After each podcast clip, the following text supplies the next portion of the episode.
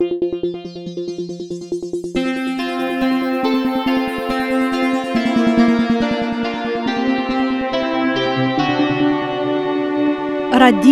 Esperanto.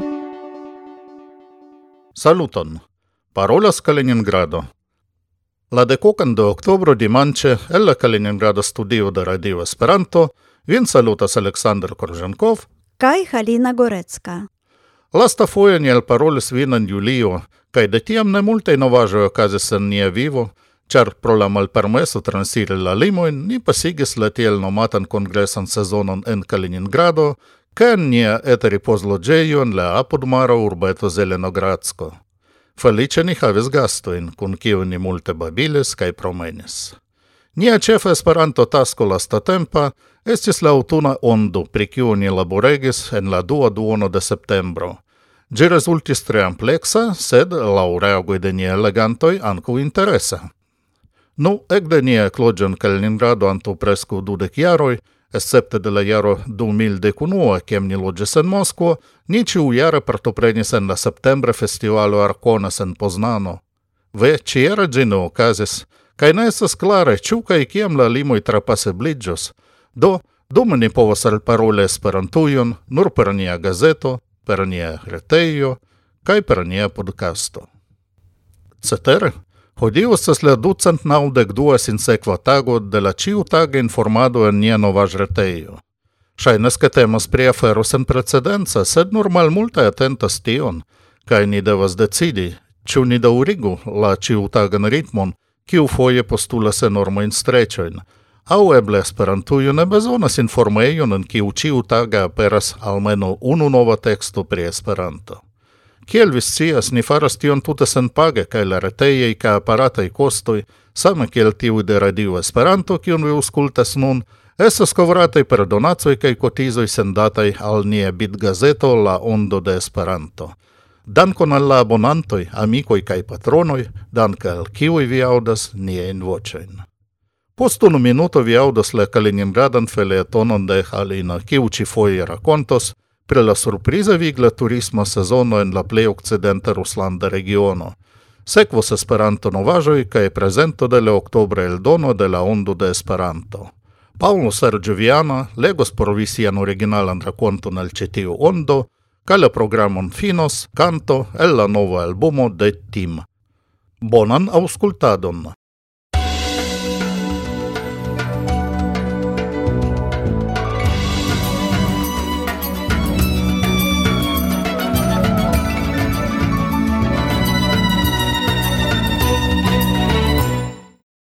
Occidente de Ruslando, Kaliningradai novajoi. Ci jare pro la coronavirusa pandemio suferis multae sferoi, inter kiuj aviado kaj turismo. Pro la fermo de la interŝtataj limoj en Ruslando kreskis intereso alla enlanda turismo. Nia eta Kaliningrada regiono okupis la sesan lokon en playlisto de la somera ripozo. La somera sezono rezultis dumonata – En Калининграда региону нурфине де de уни oni malfermis plaĝojn kaj permesis alvenon de ali regionaj turistoj. En ĉi tiu reduktita sezono ĉirkaŭ 300 mil turistoj vizitis la plej okcidentan regionon de Ruslando.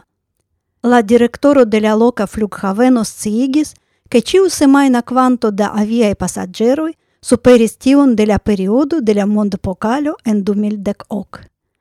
Por Kaliningradano estis surprize vidi tiom da turistoj. Ni mem mi konstatadis nekutiman svarmadon en la plaĝo de Zelenogradsko, eĉ en la okcidenta, kiu ankoraŭ pasintjare estis sufiĉe maldense vizitata eĉ en sunaj kaj varmaj tagoj.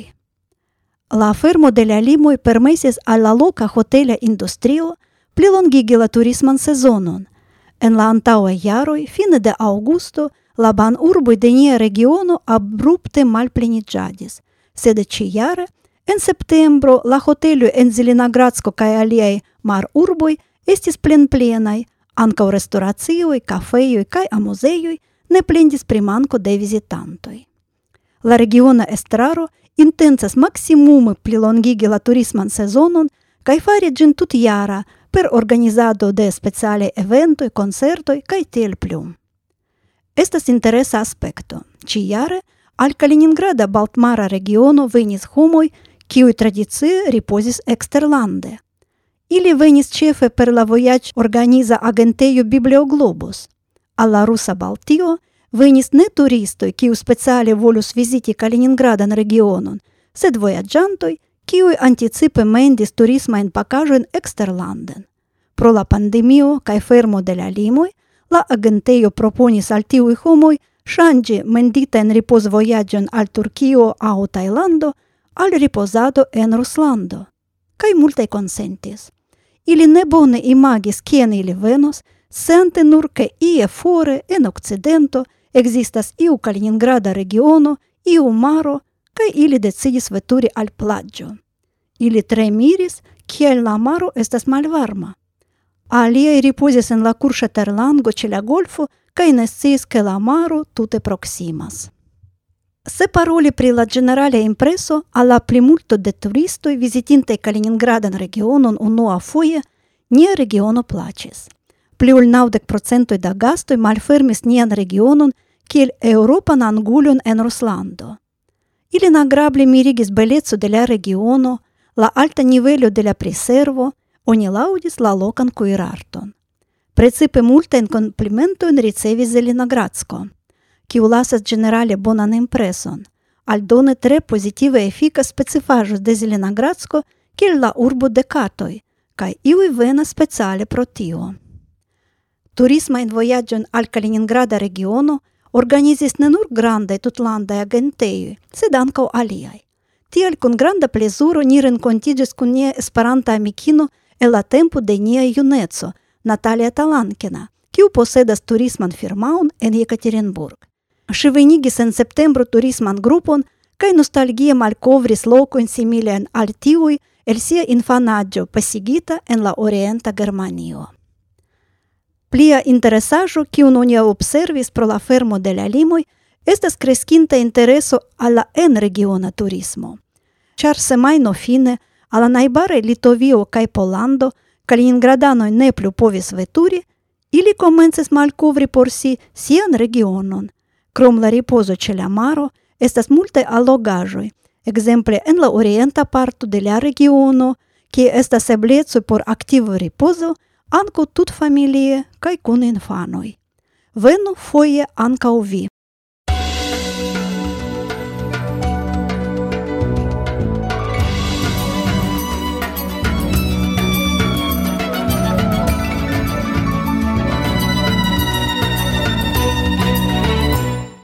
Esperanto novaĵoj.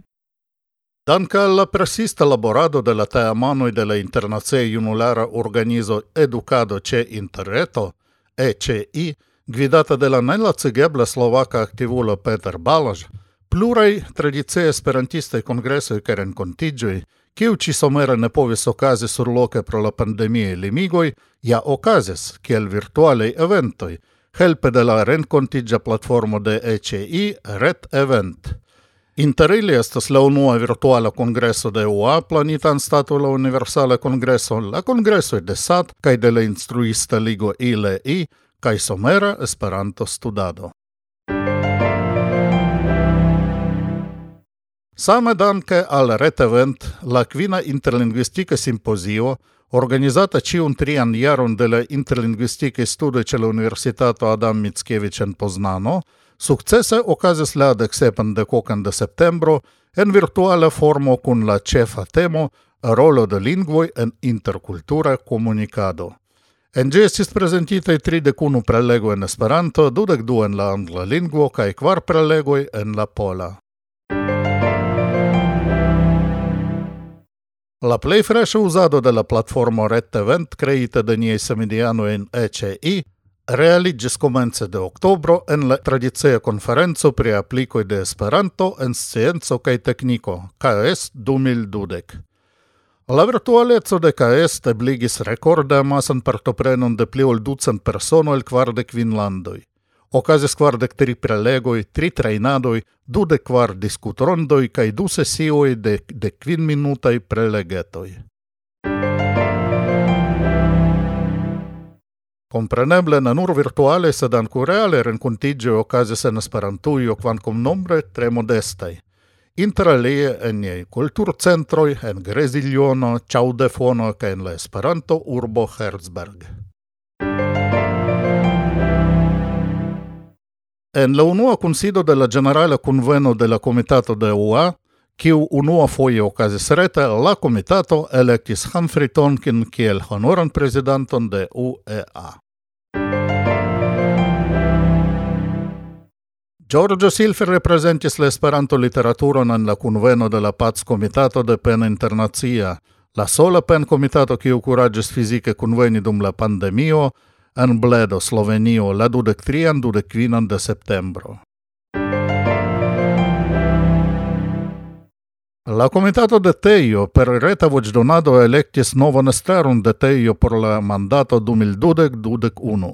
Presidento Charlotte Sherpin Larson, du vicepresidentoi Carlos Pesquera Alonso kai Tomasz Stano, generale secretario Constanze Schoenfeld, casisto Mun Bui Felicia, kai kvaras teranoi, Karina Oliveira, Clara Ertel, Rocio Hurman kai Robert Nielsen. La chef premium en la unua virtuala oratora concurso de UEA, ocasinta cadre de la virtuala congresso, ricevis Siro Laine el Finlando, nun logiante en Barcelono, kiel premion si electis en pagan aligion alla venontiera universala congresso de Esperanto en Belfasto. La duan kaj la trien premiojn ricevis respectiva Raoni Souza kaj Michael Boris Mandirola. Tejo decidis okazigi la sepdek sepan internacian junularan kongreson IJOKO somera 2021 en Kijevo, La cefurbo de Ukrainio jam gastigis en la jaro 2011 la sesdec sepan IOCON, al kiu aligis 320 personoi, el kiu 311 reale partoprenis. Neniu poste IOCO estis pli amasa ol la Kieva. Fine agrable novajo. La premio de la fondaĵo Antoni Grabowski ĉiare estas attribuita al Bertilo Venergren pro liaj elstaraj kontribuoj al Esperantologio. Ni gratulas Bertilon kaj desiras al li pliein creain successoin.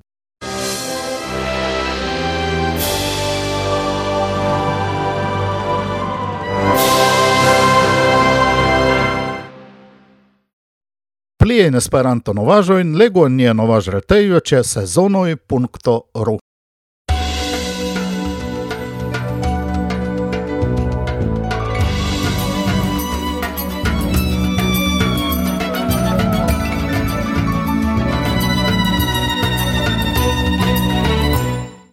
La ondo de Esperanto aŭtuno. Komence de oktobro aperis la aŭtuna Лаула Норт Хемисфера вид пункто Эльдону де ля чиу сезона Альманако ла ондо де Есперанто. Джестес рекорде амплекса, сурджие ценду дек три паджој, estas sesdeco деко да temaj tekstoj kaj multaj bildoj. La sekcio temo estas dediĉita al la koronavirusa pandemio, traktata en artikolo de Sonja Zareckaja pri la reta platformo Retevent kreita de ECI por virtualaj kongresoj, kaj de Amri Vandel pri la esperantumado dum la pandemia epoko.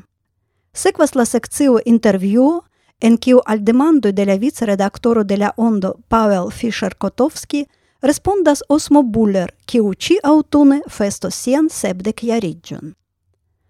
Artikuloj pri la someraj virtualaj renkontiĝoj ebligitaj danke al la menciita laboro de aktivuloj de ECI sub la gvido de Peter Balaĵ – estas publikigitaj komence de la tridekpaĝa primovada sekcio Eventoj, en kiu legeblas raportoj ankaŭ pri reale esperantistaj renkontiĝoj kaj kursoj okazinta en Francio, Germanio, Litovio, Pollando, Ruslando, Svislando kaj Ĉinio, inkluzive de artikoloj pri la agado de niaj kulturcentroj en Ĉaŭdefono kaj Graziono kaj en la Esperanto-urbo Herzberg.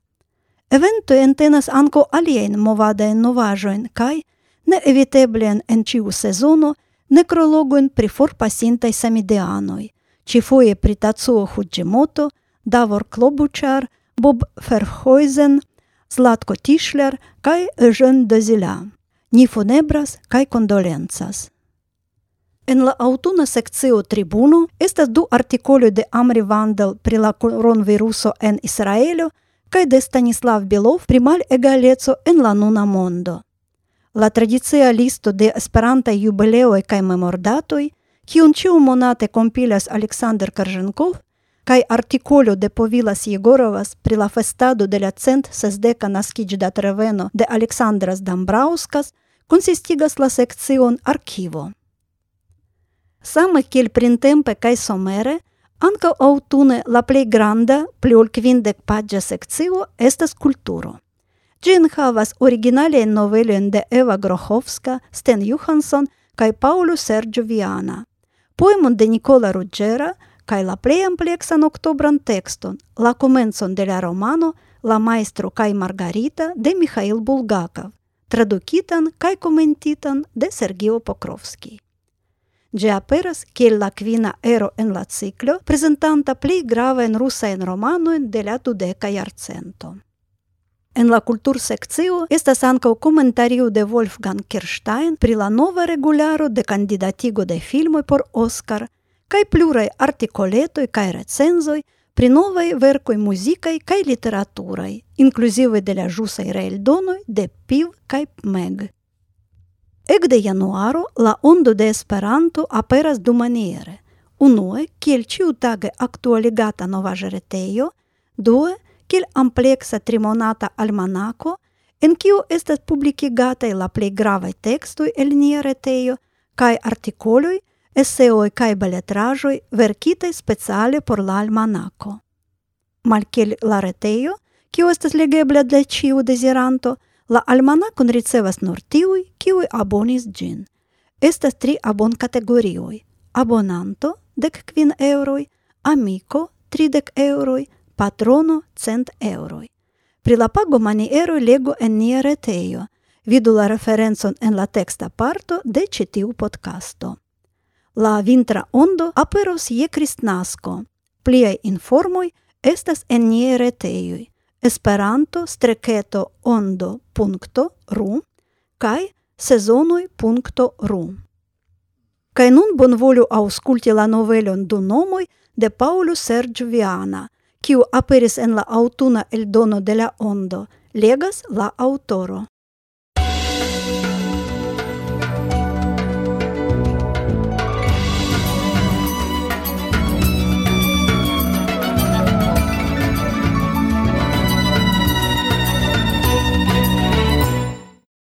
Literatura paggio.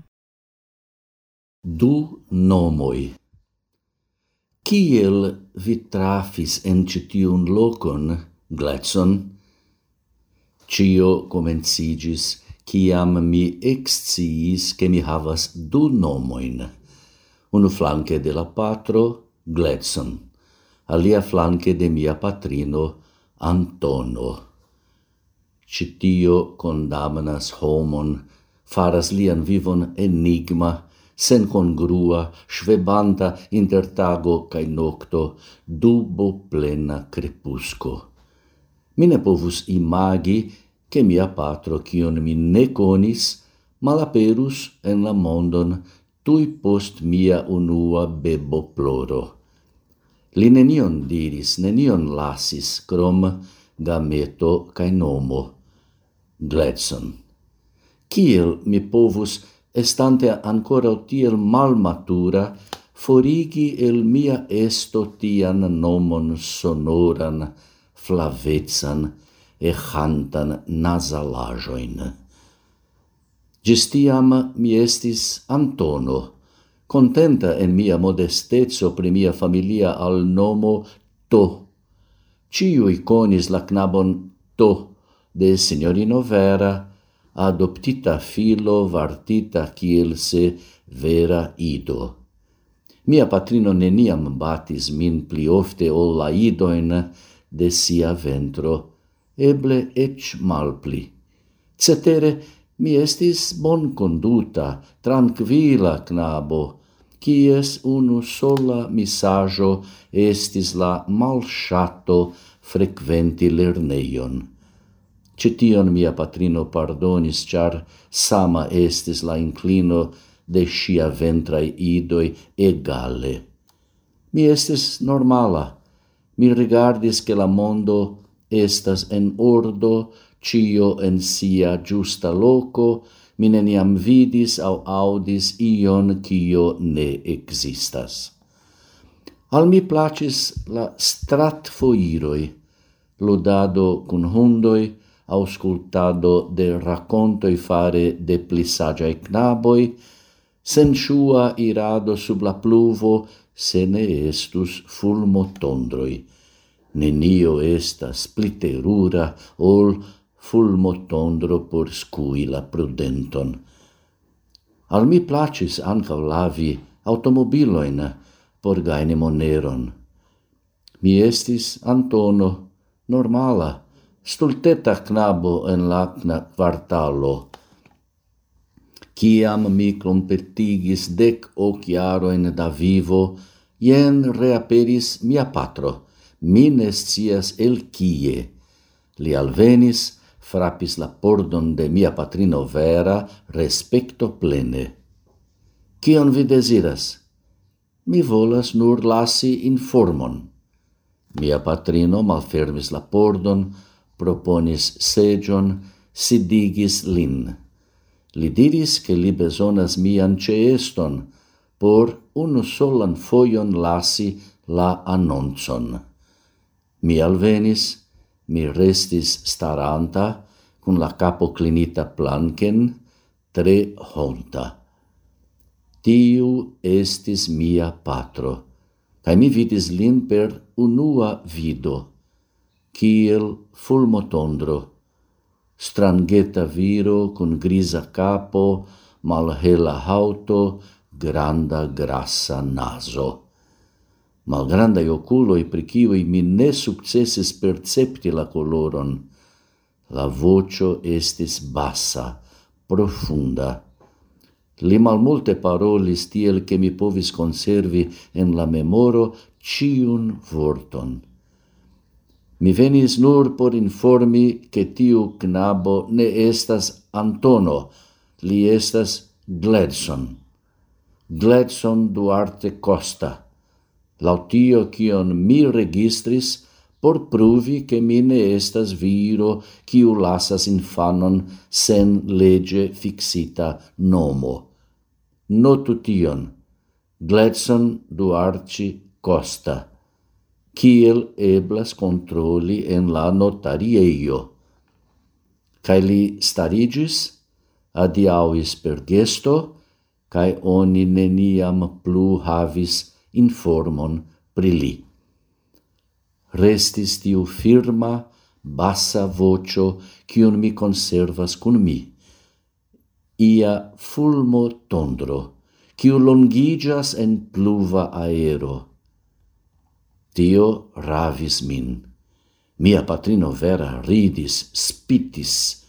Si diris che mi plu estos Antono, de longa tempo Antono. Mi ribellis. Se mi estas Gladson, mi emas esti Gladson. Bella melodia nomo rara. Ciui ridis. Tio doloris min. Mi visitis la notarieion, trepene, ca mi constatis che mia patro estas honor vorta homo.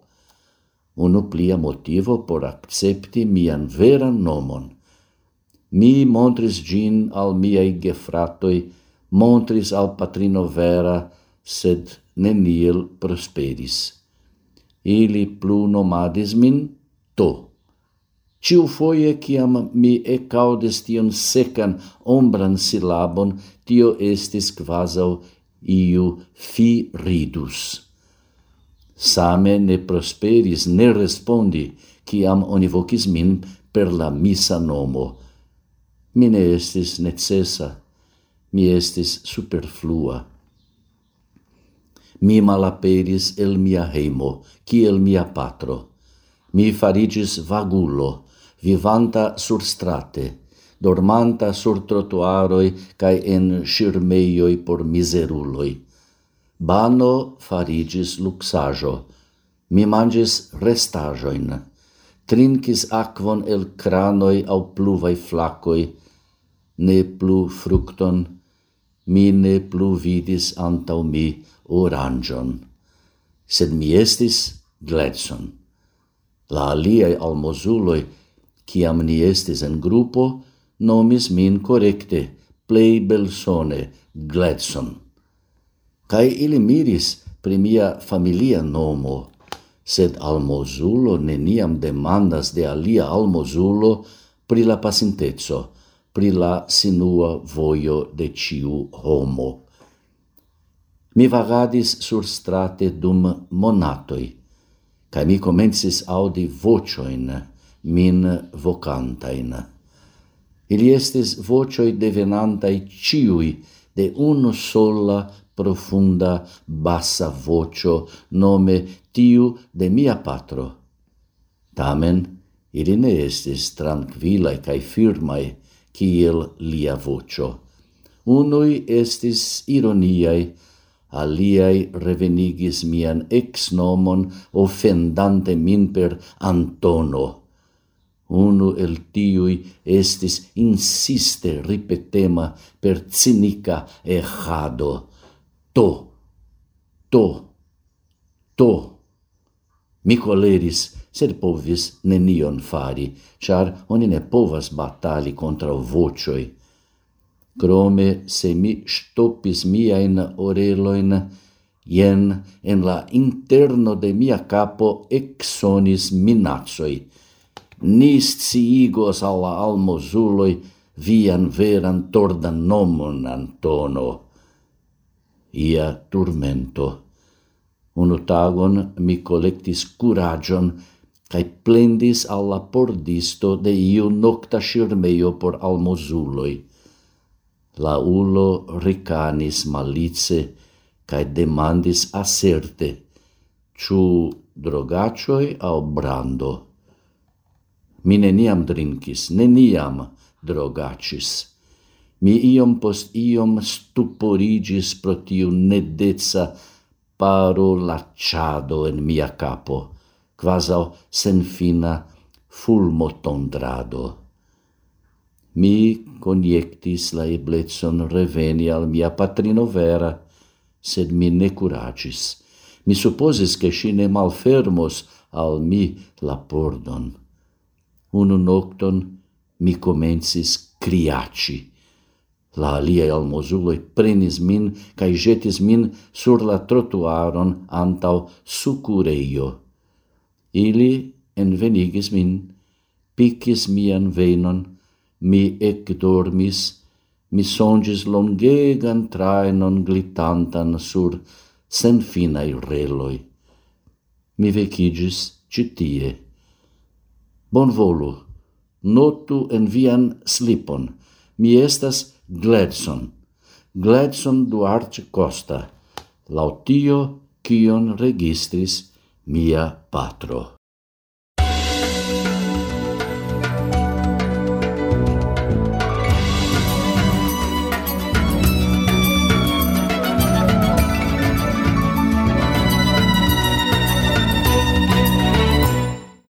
Radio Esperanto.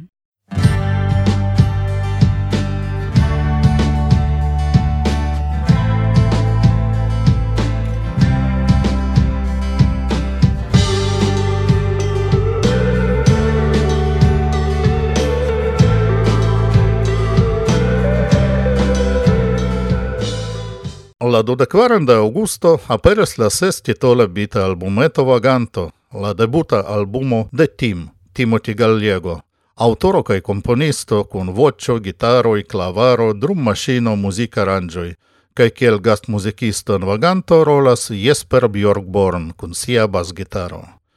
Vaganto estas rezulto de inspiro de vivo, de diversi spertoj, amo kaj libero. Ĉi tio estas ankaŭ la temoj, pri kiuj Tim kantas en siaj kantoj, inter kiuj oni povas trovi kelkajn, kiuj estas la unuaj verkitaj de li. Alternativa roko kai sendependa popo estas la genro kai influis sur kiuj tim baziĝis por produkti la albumeton kun bele klavar melodioj kaj gitar aranĝoj, kiuj donas al la verko foje spacan kaj eĉ popan psikedelan sonon. Fine de nia programo bonvolu aŭskulti la kanzonon alia tago el ĉi albumeto. Gis reudo!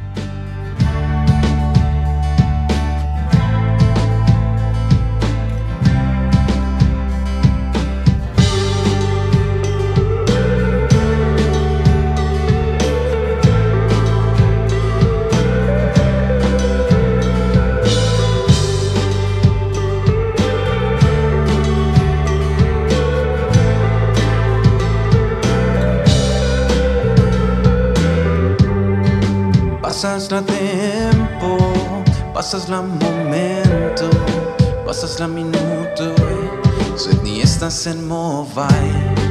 Hodio mi rimarkis la tranquila ni mezzon, niam ne havas ritmo, niam otiam fermita, sed vi ancora estas en